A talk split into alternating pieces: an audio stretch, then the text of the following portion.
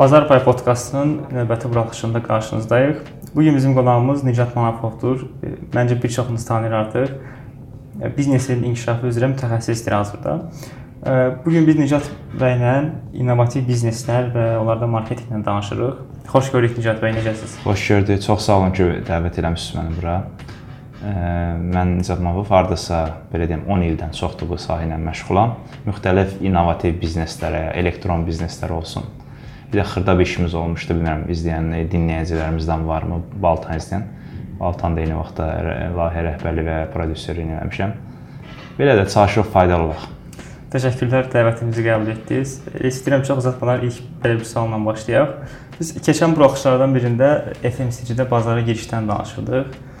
Ümumiyyətlə sizcə bizim yerli bazarın xüsusiyyətləri necədir? Nələrdir? Bəli. Əslində Azərbaycan bazarı belə deyim ki, bir çox bazarlara baxanda mən özüm e, iştirakçısı olmuşam Rusiya bazarının. Gürcüstan bazarında müəyyən e, bizneslər olub. Türkiyəni çox yaxından bilirəm. Orada bəzi bizneslərimiz olub. Qardaşımla mənim. Azərbaycan bazarının özünə məxsus unikallığı var və bu daha çox kadrlarla əlaqədardır, insan ehtiyatı ilə əlaqədardır. Amma digər e, bütün dünyada olan biznes necə qurulursa, necə problemlərlə üzləşiriksə, Azərbaycanda da eyni problemlərdir. Onu 100% deyə bilərəm. Amma kadr ehtiyatı və insan davranışları burada çox fərqlidir. Məsələn, biz Türkiyədə, məsələn, biznes quranda güvən cəhətdən çox problem yaşamırdıq birindən bir şey alanda. Çünki bilirik məhsulun qarantiyası var. Bunu satan adam adı çox önəmlidir. Adam məhsulun arxasında dayanır. Yəni gönül rahatlığı ilə belə deyim ki, bir şeyi axtaranda adamlarla iş birliyinə getmək olur. Amma Azərbaycanda məsələn bu adam kimdir, axtarırsan, haqqında internetdə məlumat yoxdur, sayti yoxdur, tapmalısan, güvənilir adamdır, güvənilir. Bir də Azərbaycanda belə bir şey var.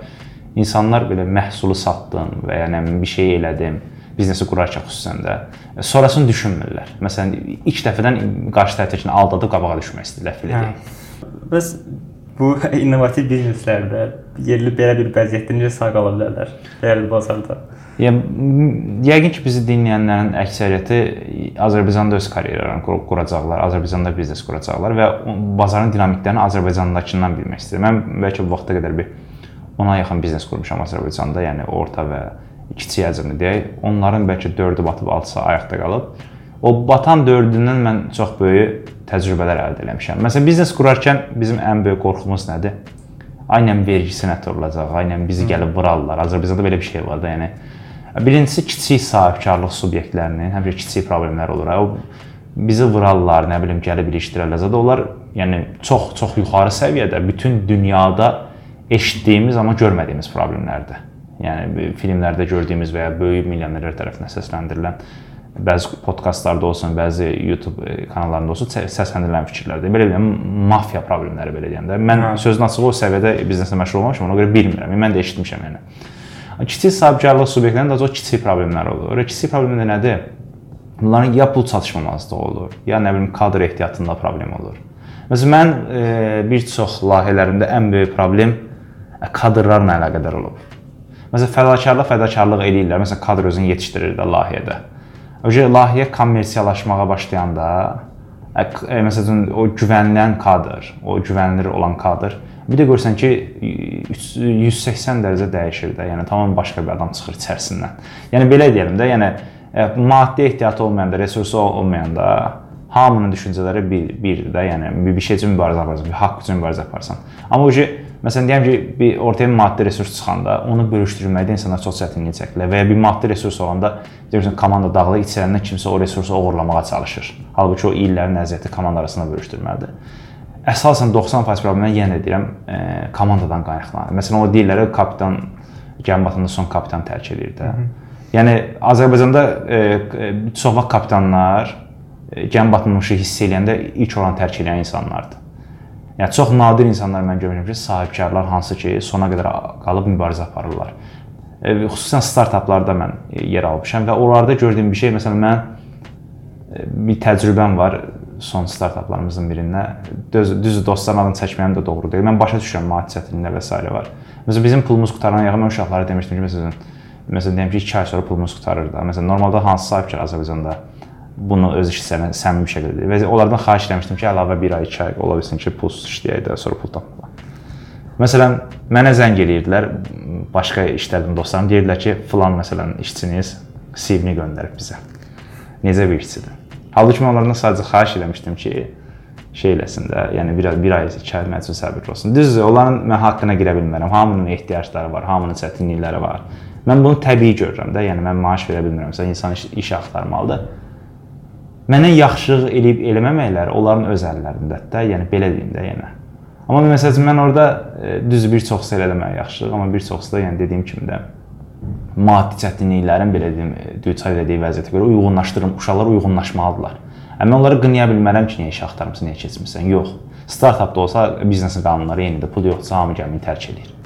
Amma mən biraz daha gördüyüm uğurlu olan startaplarda ən az 3-4 nəfər axıra qədər qalır, yəni son qəpiklərinə qədər mübarizə aparırlar. Yəni Azərbaycanda o, o uşaqlardakı, o gənclərdəki o passion-ı görə bilmirəm yəni.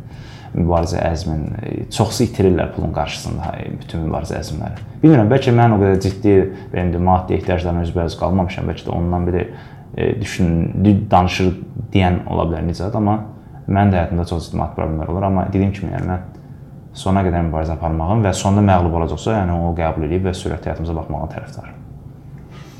Bəs yerli bazardan danışdıq biraz. Yenə düz yerli bazardan bir sualdır.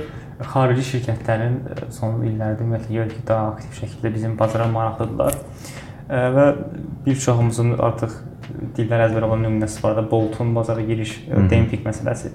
Sizcə demping uzun müddətli baxsaq da nə qədər uğurlu bir strategiyadır?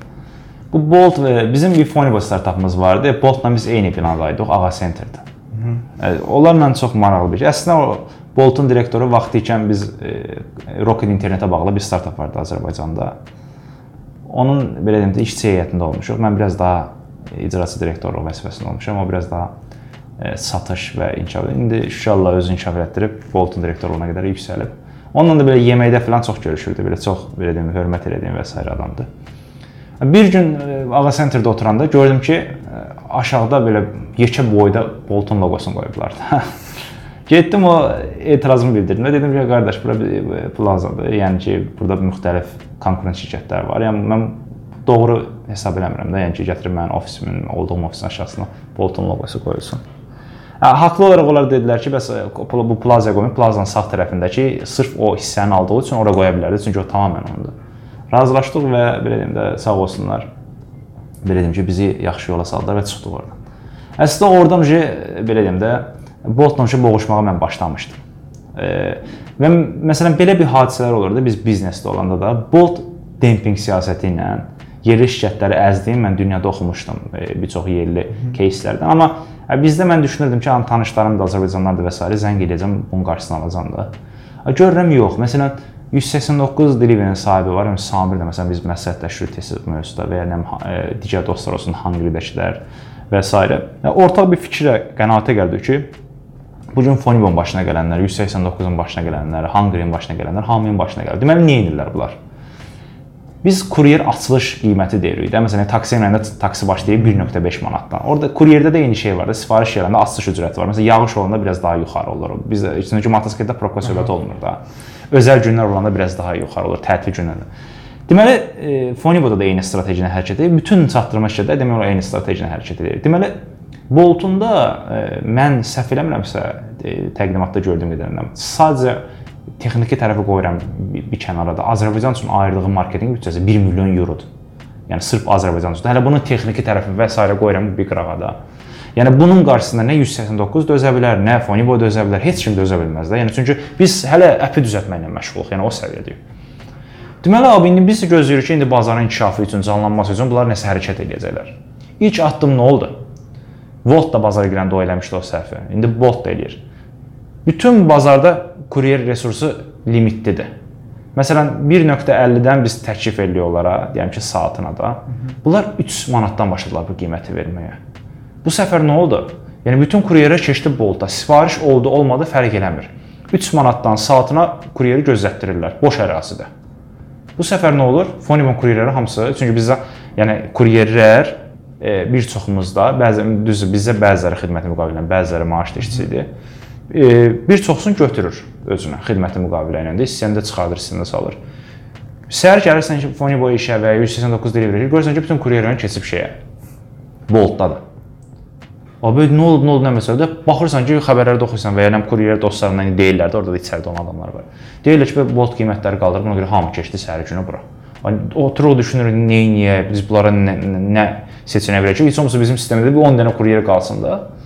Maaşlı iş təklif edilir, gəlmirlər. Deyir Boltda rahatdır, istəyəndə yandır, istəyəndə söndürür, öz işimizin sahibi və s. gəlmirlər heç bir. Biz də məcbur olduq Boltun təklif elədiyi qiyməti təklif etməyə. Məsələn 3 manat. Deməli indi biz də düşünürük ki, indi Bolt-da da indi təzə girib bazara, yəni kuryerləri yığmaq üçün Bolt Food-dan söhbət gedir də. Müəyyən bir qiymət verir. Yəqin ki, bu 1 ay, 2 ay sonra düşəcək aşağıda. O 1 ay, 2 ay qurtarmır qardaş. 1 ay, 1 ay nədir, 2 ay nədir? Kuryer qalmadı bizdə. Yəni biz 3 eləyib bunlar 3.5 eləyib üstəgəl bonuslar. Biz 4 eləyib bunlar 4.5. Yəni buna da şirkət dözə bilmir. Çünki bu zərərdir. Bir bazarın standart maaşın üstünün 3-4 qatı qiymət verir kuryerlərə. Bu səfər də nə olur? Sənin sistemə sifariş gəlir. Məsələn, Foniboy sifariş gəlirdi. Minimum gündə 30-40 dənə sifariş gəlirdi də bizə vaxtlarda. 30-40 dənə sifarişi sən icra eləyəcək kuryer tapa bilmirsən. Çünki söndürüblər keçiblər bolta. Bizə deyir belə olmaz da sən bunu niyə küçənin ortasında gözləsən? Qoy işləsən də normal bazar qiymətləri, tarifləri müəyyən elə standart. Hamı da ona uyğun hərəkət eləsin. Belə 1 ay oldu, 2 ay, 2 ay oldu, 3 ay. Biz kuryer götürürük, bir həftə sonra qaçır bolta, yəni başqaları götürür, qaçır bolta. Ondan sonra bir oyandıq ki, bunlar 1 ildir bununla məşğuldurlar. Yəni 1 ildir kuryerlərə ya boş-boş gözlədirlər, ya nəsə. Nəsə belə oldu ki, baxdıq ki, bu biz ekonomik olaraq bu düzgün yol deyil. Biz nə qədər qaldıracağıq o qiyməti? Yəni biz o qazana bilmirik o kuryerə pul verək. Biz dedik ki, biz çəkirlik də bazardan, dözə bilmədik. Yəni bunun qabağında kim dözə bilər? Volt dözə bilirdi bir dənə. Çünki onların da yəni bir o qədər büdcəsi olduğunu Volt da ösə bilir. Bütün yerli şirkətlər belə deyəndə başını atdı yerə, hamı çəkildi bazardan. Ondan sonra nə oldu? Ondan cəmi 1 ay, 2 ay sonra gördülər bazar boşdur. Bu səfər bizim təklif elədiyimiz 2 manat, 2 manat yarımı qoydular bir kənara. Qiyməti 3 manatdan saldılar səfərimizə 1.50-yə. Deyirlər ki, işləmək istəmirsən. Kuryer deyir ki, "Bu nə oldu bə biz 3 manatdan işləyirdik, işi Fonibonu bəyənmirdik, 189 bəyənmirdik, biz gəlmişdik Bolta, ha belə 3 manatdan 4 manatdan işləyəcək bonuslar, yağış, mağış. İndi sən bizə desən 1.50, 1.70. İndi o arada dəyişirlər. Etiraz edirlər kuryer. Kuryer deyir ki, işləmək istəmirsən, problem get başqa şirkətə. Başqa şirkət hansı var? Yoxdur. Başqa şirkət adı yoxdur. Çünki hamısını öldürüblər bazarda. Bu belə deyim, inhisar vəziyyətidir. Dünyada da baş verən inhisar vəziyyətidir və belə böyük monopolist şirkətlər bu kimi alətləri istifadə edirək kiçik sahibkarlıq subyektlərini o ölkələrdə öldürürlər. Amerikada məsələn bunu eləsəydi çox böyük cərimələr gözləyirdi Amerikada. Məsələn, Amerika hökuməti Google-un sırf rəqibi yoxdur hər il Google-u cərimələyir ki, sən xeyir ol öz rəqibinin yaranmaması üçün, yaranmaması üçün fondlara dəstək vermirsən ki, sənin rəqibini yaratsınlar. Sırf onun üçün cərimələyir onu. Deyir ki, sən get fondlara iyanə elə, denən ki, mənim rəqibimi yaradın. Yəni öz rəqibi yaratmaq üçün fondlara dəstək ol. Məsələn, inhisar vəziyyətdə Google-u cərimələyirlər, nə Facebook-u cərimələyirlər, hər yer cərimələyirlər demək olar. Amma Azərbaycandakı vəziyyətə bax. Bolt sırf pulu ilə Yəni bazarda inhisar vəziyyəti yaradır. Boş-boş e, insanlar küçəyə gözləyir. Biz bazardan çıxandan sonra qiyməti bizim verdiyimizin də 40% altına verir, kuryerləri ona məcbur edir. Mən kuryerləri qınamıram. İndi mən deyim ki, indi bəzi e, məntiqsiz düşünən ola bilər ki, deyər ki, kuryerin ağlı olardı, vaxtında Foniboda qalardı. Elə bir şey yoxdur. Yəni mövcud bazar təklifi önəmlidir. Bizi öldürüblər, məsələn, onlar bazardan çıxardıblar, indi özləri qalır. İndi bizim verdiyimiz qiymətin aşağısında qiymət təklif edirlər.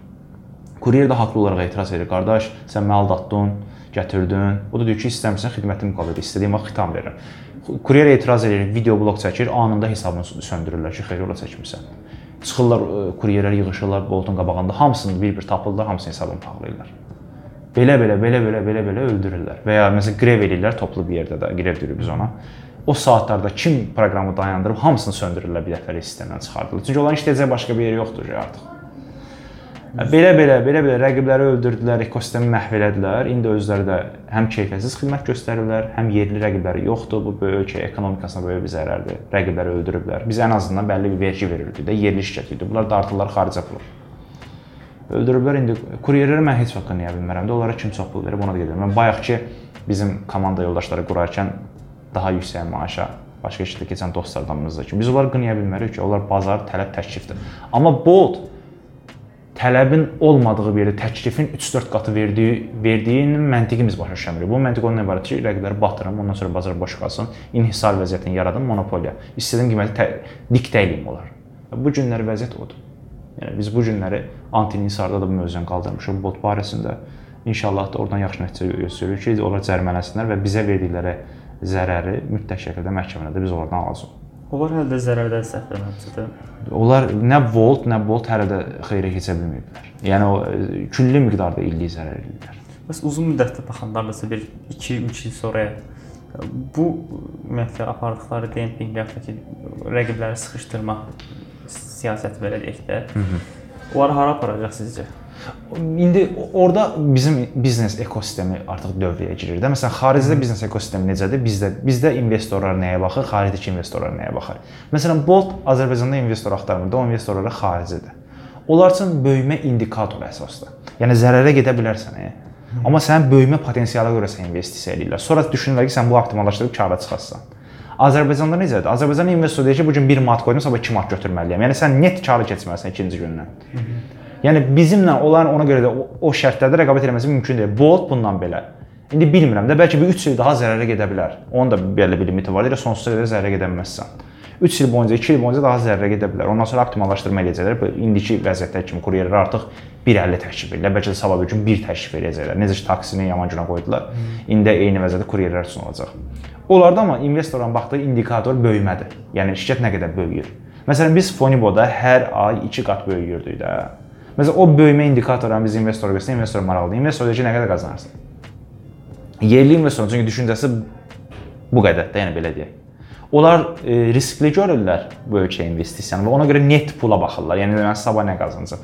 Amma xarici investor daha uzun müddətli səhmin məsələn Boltdan bir hissə alırlar. Bolt satışları artdığı üçün o hissənin dəyəri də qalxır.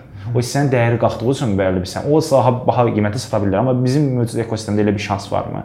Hansı investor e, şirkətdən səhm alanda onu daha baha qiymətə kiməsə satmağı düşünür və s. Yox. Hamısı kara oturublar. Yəni karda nə qədər pul qazanır. Amma bu gün dünyada da ekosistem hamısı belə ortaqlıq payı üstündə hərəkət edir ki, şirkət nə qədər böyüsə mən səhmləri, mən o qədər götürdüyüm equity-lər deyirlər də biz ona. O qədər dəyərlənəcək və mən, mən bunu daha baha başa baha baha sata biləcəm. Amma Azərbaycanda 300-400 min dollara şirkətə 10 min dollar investisiya edən hər gün şirkətə zəng edir ki, bu ay nə qədər qazandınız, mənim pulum nə qədər olacaq burdan. Ya belə bu məntiqlə baxırlar da. Yəni bunlar əslində nə startap yatırımcısıdır, nə bir şeydir. Yəni bildiyin, yəni ticari alış-verişçilərdir, sadəcə bildiyin pulları var deyə startap ekosistemə 1-2 manat pul atıblar. Bəs indi botdan danışdıq, daha çox çatdırma bazarından danışdıq da. Bəli. Ümumiyyətlə bəs həm yerli bazarda e-ticarət, innovativ bizneslər cəhətdən vəziyyəti necə qiymətləndirirsiniz, rəqabəti və s. Təkcə çatdırılma yox, məsəl üçün geyim sektoru ola bilər və ya başqa e-ticarət, elektronik ola bilər və s. Mövcud bazarın vəziyyəti rəqəmlər artsa da daxili bazar geriyə gedir. Bu çox pis bir haldır. Mən bunu dəfələrlə səsləndirmişəm. Məsələn, əvvəllər daha çox belə deyim də rəqabət edən internet mağazalar vardı. Bu günləri cəmi 2-si 3-ü qalıb. Düzdür, internet mağazaları çoxalıb, amma rəqabət edə biləndən söhbət gedir də. Bu gün nəyinir Azərbaycan istehlakçıları? Hamısı xaricdən məhsul alır. Çox-çox pis bir haldır da, yəni 300 dollar limitə görə ondan istifadə edir, xaricdən məhsul alırlar. Bu onların təbii haqqıdır. Mən deyə bilmərəm almayın. Yerli sahibkarlıq mühiti də buna görə yerli internet mağazaları investisiya eləmir. Niyə görə? Çünki baxın düşünün. Bir mal 100 dollarlıq bir mal. Azərbaycana gələcək 36% gömrük verirsən. Sən mə məcbursan 36% o içində vergi, ƏDV var, gömrük vergisi. 36% baha satasan, biraz da kar qoysun üstünə. Bir 20-30% qoysan, bir 60% baha satasan malı deyək də. Bu elə bu alıcı 60% ucuzunu alır da Türkiyədən. Yəni bu günləri Azərbaycan sahibkarı mən çox görüşlərdə gedirəm də. Mənim işim budur, elektron sərvisdə konsultantam. Mən böyük markalarla gedirəm görüşməyə. Adamlar mənə deyir ki, bu qardaş, mən elə bilirəm ki, məndə bir dənə böyük brend markanın çantası var. Deyirsən ki, Nizat, bu internet mağazasını açaq satacağam. Tamam, mən səninlə razıyam. Açaq internet mağazasını. Mən qoyacağam ora məsələn 100 manat qiymət. Amma bu alıcı eşşəkdir. Axı bu Google-da yazanda görəcək ki, bunun Türkiyədə qiyməti 50 manatdır. Çatdırılması da 2, 2 dollar. Elə demək olar ki, mən Bakıdan Sumqayıta aparana qədər bu Türkiyədən gətirə bilər 2 günə. Bu məndən almayacaq. Mən buna niyə investisiya edim? Buna niyə 30-40 min dollar pul xərcləyim, saytım qalxsın əminə? Baxıram ki, adam məntiqli deyir, mən ki, müəllim düz deyirsən də, yəni nə deyimsə, düz deyirsən. Amma digər tərəfdən deyir ki, mütləq internet mağazamız olmalıdır. Yəni yola veri də olsa bir şey olmalıdır. Buna görə də ekosistem inkişaf eləmir də. Yəni bu bu şeylərə görə. Bax, bunun həlli elə e, gömrük limitinin sıfırlanması da deyil. Vergilərin yığışdırılması da deyil Bunun həlli mən hələ özüm də bilmirəm ki, nədir. Yəni belə deyim, tam beynimdə qərar verə bilməmişəm nədir. Amma gördüyüm odur ki, gördüyüm odur ki, məsələn biz deyəlim ki, yerli elektron sərvər inkişaf eləsin deyə gömrük limitini sıfırlasaq. Düz yerli elektron sərvər inkişaf eləyəcək. Amma bu səfər qiymətlər qalxacaq axı. Biz necəsə verginin və ya nə bilim nəsə güzəştlərinə elektron ticarət mağazaları istisnalar edə bilərik. Ki, bunlar internetdən sata biləndə ən azından bir ucuz qiymətə sata bilsin. Çünki onların konkurentləri bu mağazada geymək kimi deyil də, konkurentləri nə bilim Trendyoldur, Amazondur, eBay, eBay-dir. Yəni bunlar bunlarla konkurent eləyə bilməyəcəklər də. Yəni dövlət necə o subsidiya eləməlidir internet mağazaları ki, bunlar bununla rəqabət eləyə bilsinlər. Çünki eyni malı Amazonda satır, mən də satıram, mən 60% baha kim alar məndən? Heç kim almaz. Ona görə də mən düşünürəm ki, burada tək yol elektron ticarət mağazasını subsidiya eləməkdir və vəziyyətdən çıxartmaqdır. Ondan sonra alıcılar da müəyyən müddət sonra baxacaq ki, qardaş, nə bilim, Türkiyədən alıram, gəlir, nə bilim, o kargoya get, bura get, ora get. Elə burada var da, yəni uzaq başı 15% baha olsun. Verim bu dəqiqə gəlsin, alacaqlar düşünürəm. Sürət çatdırılma olsa da eyni gün içərisində. Bir də ən böyük problemlərimizdən bizim yerli elektron ticarətin ən böyük problemi çatdırılmadır. Məsələn, Bakıdan Bakıya malı 2 gün çatdırırlar. Məsələn, bu Nərimanovdan deyəlim ki, Yasamal malı. Halbuki taksiyə qoysalar 15 dəqiqə. Yəni qura bilmirlər də çünki bunu təklif edən bir şirkət də yoxdur ki, ucuz qiymət çatdırasan. Yəni bir növ dövlətin də bura dəstəyi lazımdır ki, bu ekosistem formalaşsın, yaxşılaşsın. Bəli, bu işə baxan kimlərdə məsələn Kobiya baxır da bu işə. E, kiçik və orta biznes inkişafı. Digər tərəfdən İqtisadiyyat Nazirliyi baxır. Bu e, iki qurum ikisi birlikdə, məsələn, mən şeyə çox qarşıyam da, hansısa sahibkarı götürüb 50 min vermək ki, gələ biznes qur. Bunlar doğru şeylər deyil də, yəni. Bunlar rəqabəti öldürən şeylərdir. Bəlkə onun rəqibi. Məsələn, bizim Fonibon vaxtında bir dövlət qurumumuz bizim rəqibimizə 30 min pul vermişdi. Mən qırğın qaldırmışdım. Yəni niyə verirsən qardaş? Mən onunla rəqabət eləmirəm. Ona niyə 30 min versən? Mənim vergilərimlə. Sonra dostlaşdıq və s. birimiz başa düşdük ki, belə şeylər doğru şeylər deyil, rəqabəti öldürür. E, ona görə birbaşa sahibkara heç vaxt bu asan yoldur. Məsələn, biri var ki, yol asfalt çəkəsən, bir də var ki, bir dənə maşın alıb hansı şeyə verəsən. Vətəndaşa verəsən. Maşın almaq əlbəttə daha asandır. Amma yolu çəkmək ən bahalı hissəsidir. Ona görə dövlət qurumları mütləq e, hansısa hazır yeməyi sahibkara verməkdənsə, sahibkarın problemləri, ümumi sahibkarlıq subyektinin problemlərin bir həm qanunvericilik səviyyəsində təkmilləşdirməlidir. Məsələn, Azərbaycan elektron ticarət qanunvericiliyi dünyanın 3-4 səhifəli qanunvericiliyidir. Yəni biabırçılıq qanunvericiliyi. O təkmilləşməlidir. Dövlət qurumları məsələn bunu təkmilləşdirməlidir. 1000 dənə şey dəyişib ondan sonra, amma orada cəmi ümumi cümlələrlə. Məsələn, orada e, vasitəçi kimdir, platforma nədir? Onlar müəyyən deyil orada. Götürürlər iqtisadın ümumi qanunlarını, sahibkarlıq subyektinin qanunlarına belə əsas götürürlər. Məsələn, mən örnək verirəm. Məsələn, siz mal satırsınız 4 manata. Mən o saytımda 5 manatası qoyuram. 1 manat deyirəm ki, mənim komissiyamdır. İndi burada ƏDV 5 manatdan olacaq, 4 manatdan olacaq. Oradakı 1 manat necə hesablanacaq? Bunun hamısı gedirlər əsas sahibkarlıq subyektlərinə necə şamil olunsa elə. Amma elektron ticarətdə elə deyil. Burada qavramlar olmalıdır. Platforma nədir? Elektron ticarət marketplace dediyimiz marketplace kimdir? Birbaşa satan sahibkar kimdir? Marketplace qanunvericiliyi. Məsələn, bu gün elanlar saytımız var da Tapaz. Məsələn, Tapazda niyə heç kim kartını ala bilmir? Amma Türkiyədə alırlar, hamı kartla alış-veriş edə bilir güvənli bir şəkildə elan saytlarından ala bilirsən. Məsələn, mən telefonumu satıram, e, qoyuram sahibindən.com-a. Sən gəlirsən, məsələn, telefon 100 manat ödəyirsən ora, sahibindən.com pulu saxlayır, telefonu mən sənə göndərirəm, baxırsan, okey deyirsən, sahibindən.com sonra pulu satıcıya göndər. Azərbaycanda eləyə bilərsən, ona qanunverici imkan vermir.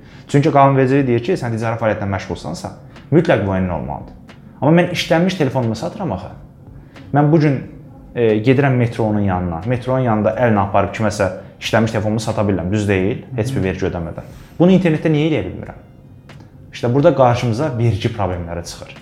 Təkmilləşdirilən elektron ticarət qanunvericiliyi. Bu qanunverici təkmilləşsə, bu imkan olacaq. Məsələn, Tapazda biz artıq ora pul göndərmiyor. Artıq milyon emanat aparatlarının üstünə yazırlar ki, bilmədiyi şəxslərə pul göndərməyin mal almaq üçün və s. Məsələn, ev axtarırsan ki, sən bir dostuma gördüm. 10 dənə ev elanından bəlkə 4-ü insanları aldatmağa yönəlir. Yalana şəkildə qoyurlar, deyirlər ki, 50 manat beh göndər. Göndərsən adam yox, yoxa çıxdı. Yəni sövdələşmələr elektron olmalıdır, elektron güvənliyi ilə tənzimlənməlidir. Nə vaxta qədər biz bu böyük vergi bir cinayətlərin də arxasına gətirir. Biz əslində insanları elektrondan uzaqlaşdırmaqla vergi yığımını azaldırıq. Çünki artıq insanlar məsələn tapaza bir çox mağaza tapaza və ya digər elan, elan saytlarına qoyun məhsullarını ticari fəaliyyətlə məşğuldur, nə çek verir, nə bir şey. Halbuki bunu elektron eləsəydilər, orada yayma mümkün olmayacaqdı. Yəni belə deyim də bu hər tərəfə e, hər tərəfə hər tərəfə faydalıdır bu.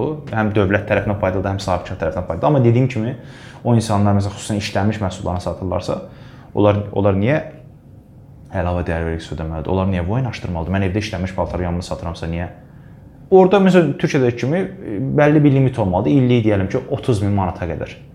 Misal verirəm. 30 min manata qədər ikinci əl əşyalarını satarkən hər hansı bir vergi tabe deyilsiniz.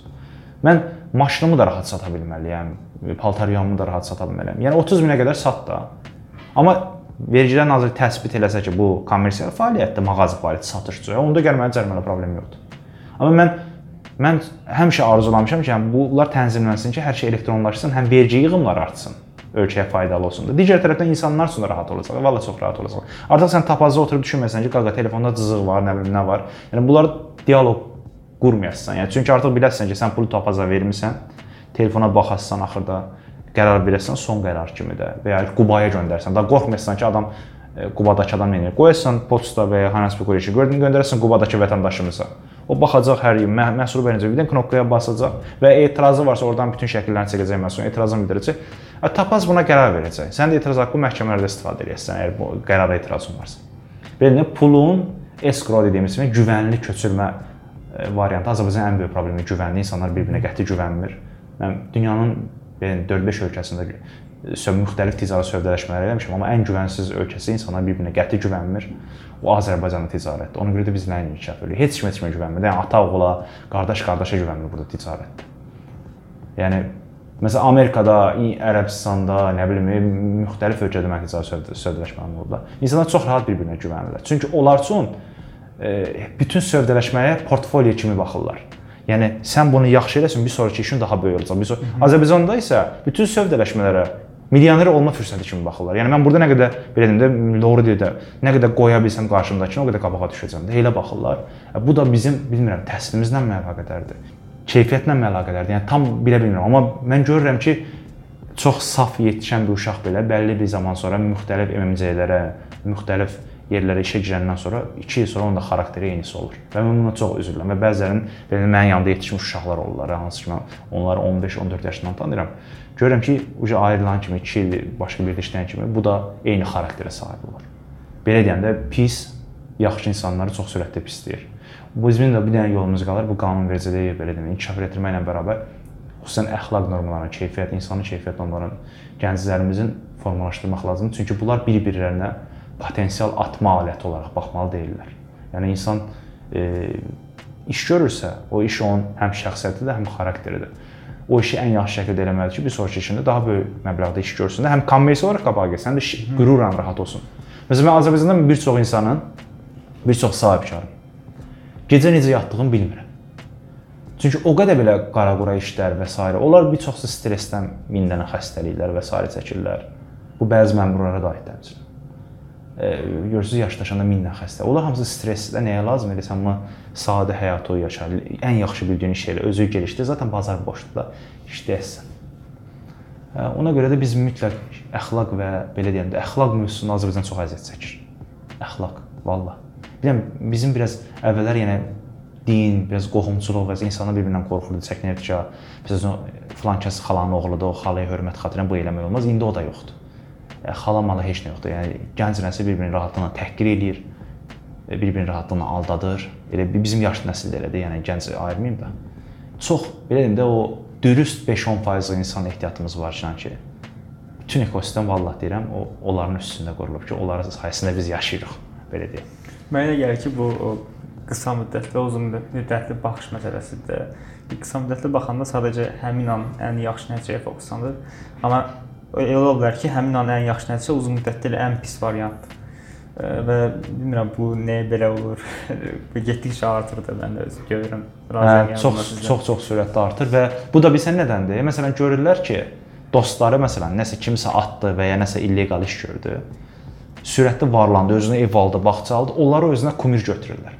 Məsələn heç kim Azərbaycanda özünə dünyada uğurlu olan insanları kumir götürmür. Götürürük kumur, xoşu gəlir ondan. Amma onun izlədiyi yolu keçmək istəmir, yəni qısa əziyyət çəkmək istəmir. Hamı belə deyim, sürətli varlaşma, varlanmanın axtarışındadır. Bu da sürətli varlanma dediyimiz şey bir çoxsu tələlərlə ibarətdir, qeyri-qanuni işlərdən ibarətdir. E, sən məcbursan kimsə belə deyim şərriyəsən, oyundan çıxardasan. Yəni bu belə deyim də mən özüm yaşadığım həyatdan ümumi baxanda mən bilirəm ki, bu gün öləcəm də, bunu çox belində bütün bədənimə qədər hiss edirəm də öləcəyimi də. Bütün insanlar bunu hiss edir, amma bəziləri özünə bunu xatırlatmır. Və e, yaşadığımız həyata da şey kimi baxırıq da, bu oyun kimi baxsaq, qabağımıza çıxan əngəllərə də bəzən tullanırsan, bəzən də ölürsən, yenidən başlayırsan. Biznesdə batırırsan, təzədən daha güclən bir də bir can götürürsən, qayıdırsan. Elə, elə baxmaq lazımdır. Dostluq, dostluqları yığırsan, yaxşı dostluqları, pis dostluqları atırsan özündən kənara. Yaxşı dostlarla müəyyən bir yerə qədər gedirsən, sonra evlənirsən, nə bilim, uşağın olur, uşağı böyütməsən. Challenge kimi baxmaq lazımdır. Amma bu şeyə baxanda, məsəl üçün məsələn deyim ki, qabağa bir fürsət çıxıb, o fürsətin heç kimlə bölüşmə, hamısını özünə götür və, və ya e, ən böyük faydanı özünə götür, qalan hamını şərrə, qalan hamını e, oradan uzaq tut. E, mən onlara o xaraktersizlik kimi baxıram. Çünki ikinci, üçüncü fürsətdən sonra sənin o nəfsin səni elə yerlərə aparacaq ki, sən özün özü batırmış olasan sonda. E, bu gün bir çox Azərbaycanda olan zəngin insanların zənginləşmiş məmuriyyətdən gəlib zənginləşmiş və ya nə bilim onun bunun haqqına girərək zənginləşmiş bəzi insanların yaşdaşmış indi görürük də vəziyyəti. Bəziləri hardadır? Bəziləri türmədədir, bəziləri türmədən buraxılır. Yəni vəziyyətləri yaxşı deyil də. Onları elə görmək bizə xoşdur və ya bizə nəsə qazandırırmı vətəndaş? Heç nə qazandırmır. Mən şəxsən elə ki vəziyyəti görürəm, üzülürəm. Yəni o insan 60-65 yaş, məsələn, niyə türmədə yatmalıdır? 40 yaşında elə deyillərinə görə. Ömrünün sonları niyə belə keçirtməlidir? Cəmaatın yaşlıları gedir, nə bilim, Yaponiyanı gəzir, şeyə gəzir, vaxtı ikən xidmətlərinə görə və s. Bizimkilərə baxırsan, əksəriyyəti e, o və ya bu səbəblərdən e, hər hansı bir cinayət məsuliyyətinə cəlb olunur və s. İçəridədirlər belə deyərəm ki, ömrünün sonları yarısı şəkər xəstəsidir, yarısı bu xəstəsidir. 50 mindən xəstəlikləri var. Yəni bilmirəm indi bizim podkastımızda onlardan da mütləq ki dinləyəcəklər. Yəni mən də deyirəm, yəni o bir həyata bir oyun kimi baxsaq, ona görə də yəni Dönəri nə bilim bahalı restoranda da yesin bu yenə dönərdir. Orada da yesin dönər. Eyni ətdir, eyni tərkibdir. Servis biraz fərqlidir. Ona görə də yəni çox belə riskli işlərə, həyata əhəmiyyətli riskli işlərə e, başın buraxsınlar, ölkəyə faydalı olmağa, vətənə faydalı olmağa baxsınlar. Son olaraq bir neçə sualım var, onları da istəyirəm verim. Elə bayaq e-ticarətdən danışırdıq, ondan davam eləsək, e, yerli bazarda sizcə bu e-ticarət bizneslərində əsas uğur faktorları nələrdir? Düzü bu nisbi bir sualdır belə deyək də. Biz nəyə uğur deyirik məsələsi var, amma bu ki, sizin yanaşmanızdan dinləyək. Uğur elektron ticarətdə mən deyərdim ki, birinci növbədə yaxşı kataloqun olmalıdır. Yəni insanlar, yəni sizin mağazada satıla bilən məhsulların eynisini sizin internet mağazada görməlidir. Görə bilmirsə və ala bilmirsə, burada bir problem var deməkdir, istifadə etməyəcəklər. İkincisi, qiymət rentabelliyi məntiqli olmalıdır. Yəni çünki elektron ticarətdə olan məhsulların Əgər eynisi başqa ölkələrdə varsa, onlar qiymətə qarşılaşdırırlar və fərqi fərqi siz ona hiss etdirməz. Ola bilər ki, məsələn, deyim ki, telefonun burada qiyməti 100 dollardır, xaricdə 200 dollardır. Azərbaycandan alandan sonra qarant ver. Qeydiyyat şansı ver, necə qeydiyyatlıdır. Bunları saytda öz çatdır qarşı tərəfə. Üçüncüsü e, yaxşı marketinq imkanları olmalıdır. Mütləq Azərbaycanda ən belə deyim, pərdə arxasında gizlədilən sahibkarların nəzərə almadığı şey xalam oğlu, bibim oğlu etməmişdi, gəlsin bizim marketinq eləsin məntiqidir. Yəni o marketinq fayda verməyəcək. Müxtəlif texniki marketinq alətləri var. Onlar hamısı sayta inteqrasiya olunmalıdır. Yəni onlar çox maliyyətli işdir. Qısaca müəyyən maliyyətin yoxdursa və komanda formalaşdıra bilmirsə, elə elan saytlarından satış eləsinlər, mağaza açmasınlar. Əgər sənin pulun varsa, hər şeyin varsa, məsələn, Contact.com qədər pul xərcləyə bilirsən, məsələn, Irşad qədər pul bilirsən, buyur gəl internet mağazanı aç, faydalı olacaq sənə. Kredi imkanı. Azərbaycanda ən çox da bir də alıcılar bu əslində yaxşı tendensiya deyil kreditdə çox öyrəşiblər. Nağd işini almaq istəmirlər. Məsələn, 2 qatına da olsa, mən mən o başa düşmürəm. Həqiqətən. Məhsul normalda 100 manat olan məhsul 160 manata adam kredit götürür 6 aylıq. Yəni 60%-lə kredit olar. O da kredit deyil, adı nisiyədir. Halbuki bu rəqib mağazada bu 100 manatdır da, 160 manata görə qoyub ki, nağd qiymətinə 6 e, aya kredit var. Nağd qiyməti o deyil, nağd qiyməti 100 manatdır. Belə deyim, insanımız belə də Yenə deyirəm, bu hara gedirsən, hara fırlayırıq, fırlayırıq, bu əxlaqa gedir, mənəviyyata gedir. Məntiqsizliyə gedir, təsirsizliyə gedir. Vallah billah deyirəm. Yoxsa məntiqli adam əlbəttə bilir ki, bu məhsul burada 160 manatdır, mənə deyir 6 ay e, nisiyə verirəmsə, faizsiz. O bir tərəfdə 100 manat, demək ki, burada 60 manat qoyub təsdiq. Hesablayıb düşünə bilmir. Deyir ki, yox, mənə faydalıdır mən girirəm kreditdə. Mən elə çox dostlarım var. Kreditlə yatıb duran, belə kreditli bir həyatın bir parçası olaraq görən, krediti ödəyən kimi tez gedib yeni kredit xətti özünə açdıran. Yəni, Azərbaycan insanı ümumiyyətlə istehlak kreditlərinə uzaq olmalıdır. İstehlak kreditləri dünyanın ən mundar kreditləridir. Baxmayaraq ki, bu bankların əleyhinədir, baxmayaraq ki, bu bütün ekosistemin əleyhinə, amma istehlak kreditləri dövlətlərin belə deyim ki, vətəndaşın qoruması üçün hətta bir çox dövlətlər limit qoyur istehlak kreditlərinə ki, vermə. Bu, bu vətəndaşlara vermə. Bu falan maaş yoxdursa vermə. Çünki bilirsən niyə? O verməsin, insan o qədər borclanacaq ki, ehtiyacı olmayan hər şeyi alır. Çünki məsələn gedib 2000-lik kreditdə onun pulu kimi görür. Məsələn verirlər ki, get 2000 get xərclə bu sənin kredit xətti. Gedir ən bahalı telefon alır, ehtiyacı olmayan kompüter alır, ən bahalı televizor alır, ehtiyacı yoxdur. İstehlak kreditləri ona görə verilmir, ağıllı vətəndaşlar üçündür. Ağıllı vətəndaşların xərcin. Məsələn mənim cibimdə 100 manat var, okey, qalsın 100 manat cibimdə. 100 manatlıq məsələn bir şey alacağamsa, onu 6 aya böldürərəm. Çünki 100 manat da cibimdə var. Amma mənim cibimdə 100 manat var, 2000 kredit xətt açdırıram. Ayda 100 manat ödəyəcəmsə, bu məntiqsizdir. Çünki cibimdə də 100 manat var, hər aylıq 100 manat. Yəni ona yenə də deyirəm, yəni insanlar şuurlu davranmalıdır. Təbii ki, sahibkarlar satışlarını artırmalılar. Biz onlara qınaya bilmərik ki, bunu niyə verirsən və s. Onların işi odur, satışları artırmalılar. Hər nə yolla olur olsun, istər nisiyə, istər nağd yolla. Ona görə də, yəni mütləq elektronik mağaza açanda da mövzumuza qayıtsaq. E, kredi imkanlarını da vətəndaşlara vermək lazımdır. Çünki satış artırmağın başqa bir yolu yoxdur. Bunlar öyrəşiblər. Ən azından xarici internet mağazalarına tək üstünlüyümüz ola bilər ki, 60%, 70% bazasında da olsa, heç 12 ayda ödəsinlər bunlar. Ya belə deyək. Son olaraq da bir sual verim e-ticarətin istəyirəm bunu iki şaxədə yerli bazardakı gedişatını, bir də ki, xarici bazardakı gedişatını necə görürsüz? Hı -hı. Yerli bazarda elektron ticarət geriyə gedir. Yəni dediyim kimi o xarici təsirlərdən biz yerli ticarəti qoruya bilmədiyimiz üçün yerli ticarət e, sıxıla-sıxıla gedir yerli bazarda. E, xaricdə tendensiya odur ki, dünya artıq quick commerce dediyimiz sürətli kommersiyaya gedir. Yəni nədir məhsul aldım 15 dəqiqəyə gəlsin. Yəni bir çox dünyanın ölkələrində görürsüz. Yəni istənilən məhsulu xaladenik aldım 15 dəqiqəyə gəlsin, televizor aldım 15 dəqiqə. Dünya buna gedir. Çünki artıq onlar logistikdə olan o sürət həllini tapıblar. E, bizdə isə tendensiya əvvəllər ən azından internetdən sifariş verirdin, görmürdülər sifarişi. Bir həftə sonra zəng edirdin ki, mənim sifarişim var, deyir, "Abi görməmişik də." İndi heç olmasa 2 günə də olsa gətirirlər malı. Ən azından kartla ödəmə seçənəkləri əlavə olunub saytlara. İstisnai saytları çıxırmaq burada. Yaxşı internet saytlarımız da var. Onları qoyuram bir kənara. Ümumi danışıram ekosistem üçün. Yəni dünya yenə yəni deyirəm ki, sürətli elektron ticarət həllərinə gedir, logistika tərəfindən sürətli, qiymətə uyğun olsun, yüksək xidmətlərlə yarışırlar. Bizdə daha çox belə təzə-təzə iməyə başlayır. Mütləq ki, inkişaf olacaq, amma başqa yolu yoxdur.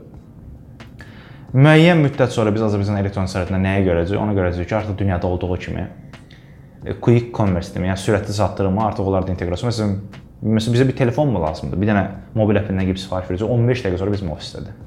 Yəni bu bizə xəyal kimi gəlir bu Azərbaycanda, Bakıda istənilən adama xəyal kimi gəlir ki, getməlisən nə optimala, getməlisən e, İrşad Telekoma, getməlisən Kontakoma, orada nə bilim ərizələr doldurmasan, forumlar doldurma, amma elə deyil. Bizim bu qonşu Gürcüstanda e, telefonla girirsən məsələn İrşad kimi onların da mağazaları, kontaktlı bilmirəm orada şöbəsi var yoxdur. Orada girirsən, kredit də lazımsa, bir dənə məlumatlar yazırsan, fin kodu, min kodu basırsan, apartment onu 30 dəqiqə, 40 dəqiqə içərisində telefon gəlir. Kreditdə o elektronlaşıb. Hər şey elektronlaşıb. İndi biz də gözləyirik ki, indi Mərkəzi Bankdan müəyyən islahatlar gedir. Təbii ki, bunun da öz təsiri olacaq. Onunla birlikdə belə deyim ki, internet mağazalarda kreditdə çıxış imkanı asanlaşdırılacaq və vətəndaşdan da bir kredit limitlərinə yenidən göz gəzdirmək lazımdır ki, bu Əvvəllər kredit vermirdilər, indi nisiyə adı altında kredit verirlər. Buna da bir göz gəzdirmək lazımdır. Kimə nə qədər nisiyə vermək olar? Təbii ki, Mərkəzi Bankın bu günləri qarşısında elektron ticarəti çünki birbaşa onlarla əlaqədardır bu ödənişlər. Böyük hədəfləri var qarşısında. Yəni onların da mən görürəm e, belə deyim, Paşa Bank təcrübəsi var. Paşa Bank inkişaf edilmiş Paşa Bank təcrübəsi var, hansı ki ekosistemə belə faydası dəyir. Faydası dəyən banklarımızdan biridir. Belə deyim, oradakı o korporativ, o cost effektiv innovasiya məntiqləri Mərkəzi Banka da biz daşıya bilsələr, o eləyə bilsələr, həm qanunvericilik tərəfdən, həm e, belə deyim alətlərin istifadəsi tərəfdən düşünürəm ən gec 2 ilə bu ekosistemdə bir çox şey öz həllini tapacaq. Ən azından başlanğıc üçün elektron ticarətdə. Sizcə fiziki mağazalara ehtiyac olacaqmı? Yerli bazarda yox, ümumi danışıram, yəni xarici bazarda. Və bu quick commerce nəticəsində. Mənim burada düşüncəm e, fiziki mağazalar müəyyən müddət sonra yox olacaq. Amma o müəyyən müddət nədir? Onu bilmirəm də. Çünki quick commerce olandan sonra sən fikirləşirsən, məsələn bu günləri supermarketə düşüb alış-veriş eləmək, zaten pomidor alasan, xiyar alasan, Nestle alasan, indi markalı çəkilir, problem yoxdur. Müəyyən kol alasan və s. nəsə alasansa, bunları appdən verirsənsə 10 dəqiqə sən düşüb qalxmağından daha çox vaxta gətirirsə bu adam və bunu pulsuz gətirirsə, sən düşməsən marketə. Yəni dəli olmasan da ora düşmək üçün. Yəni elə insanlar var marketdə, məsələn mən Azərbaycanda eşitdim onu. Vaxt keçirmək üçün gedirlər. ailəsi ilə vaxt keçirmək üçün. Mən biz e, Arazla görüşəndə o vaxt Foniba vaxtında. Orda mənə demişdi, müəllim çox heyrətlənmişdim o kommersiya. Deyir ki, sən bilirsən necə bir şey nəzərə almırsan ki, insanlar Azərbaycanda supermarketdə vaxt keçirmək üçün gedir ailəsi ilə. O şoka düşdüm ki, yəni ora bir əyləncə park deyiləm, biləkən yolda ora niyə vaxt keçirmək üçün? Hə gedirlər məsələn görürlər məhsullar, toxunurlar belə. Amma bu experience müəyyən müddət sonra bitmiş olacaq. Çünki bu gün supermarketə əylənmək üçün niyə gedəsən axı? Mən mənasız zadı nə alacaq o bilirsən? Pomidor alasan, xiyar alasan. Burada mən o sveji, təzə söhbəti deyirik. O əhəmilidir. Əgər bu app buna qaranti verirsə və deyirsə ki, mən verirəmsə bunu, sən artıq o supermarket söhbətini aradan çıxartmış olacaq. Paltarda da eyni vaxtda sən dəyişmə qarantisi verirsənsə, e, bildiyimiz marka, gedib marka Nike mağazasına girsən, gedib başqa markanın Nike alırsan. Nike-ın gördüyümüz bütün geyimləri 3D-də üstə oturur və s. dəyişmə şansın da var. E sən niyə alasan? E, getməyə bir səbəb yoxdur. Yenə də 10% bir insan olacaq ki, yenə də mağazana gedib alış-veriş edəcək, amma təbii ki, elektron ticarət mütləq ki, pərakəndə ticarəti ötmüş olacaq bir çox sahədə. Gələcəkdə də bunlar yoxa çıxacaq. Bu da xərclərlə əlaqəlidir. Bu gün gəlin düşünəkdə bir molda yer götürmək neçədir ay? 15 min, 20 min. Yəni bu xaricdə daha bahadır. Onlar yenə deyirəm, keçid periodun eləyirlər mollar. Əvvəllər necə idi? Hərəsi pərakəndə idi mağazalar. İndi artıq hamısı bir molda yığılırlar. Ondan sonra hamısı internetdə yığılacaq, ondan sonra hamısı mobil tətbiqdə yığılacaq, ondan sonra mollar yox olacaq, ondan sonra pərakəndələr yox olacaq, sadəcə elektron qalacaq. Bu keçiddir. Amma nə qədər çəkəcək bilmirəm. Bəlkə 20 il. Amma mütləq ki olacaq. Belə, e, bizim suallarımız bu qədər. Xoş oldu sizi dinləmək. Həm də dəvətimizi qəbul etdiyiniz üçün təşəkkür edirik. Ümid edirik e, dinləyicilərimiz üçün də maraqlı oldu. Növbəti buraxışlarda görüşənədək. Xoşdur, sağ olun.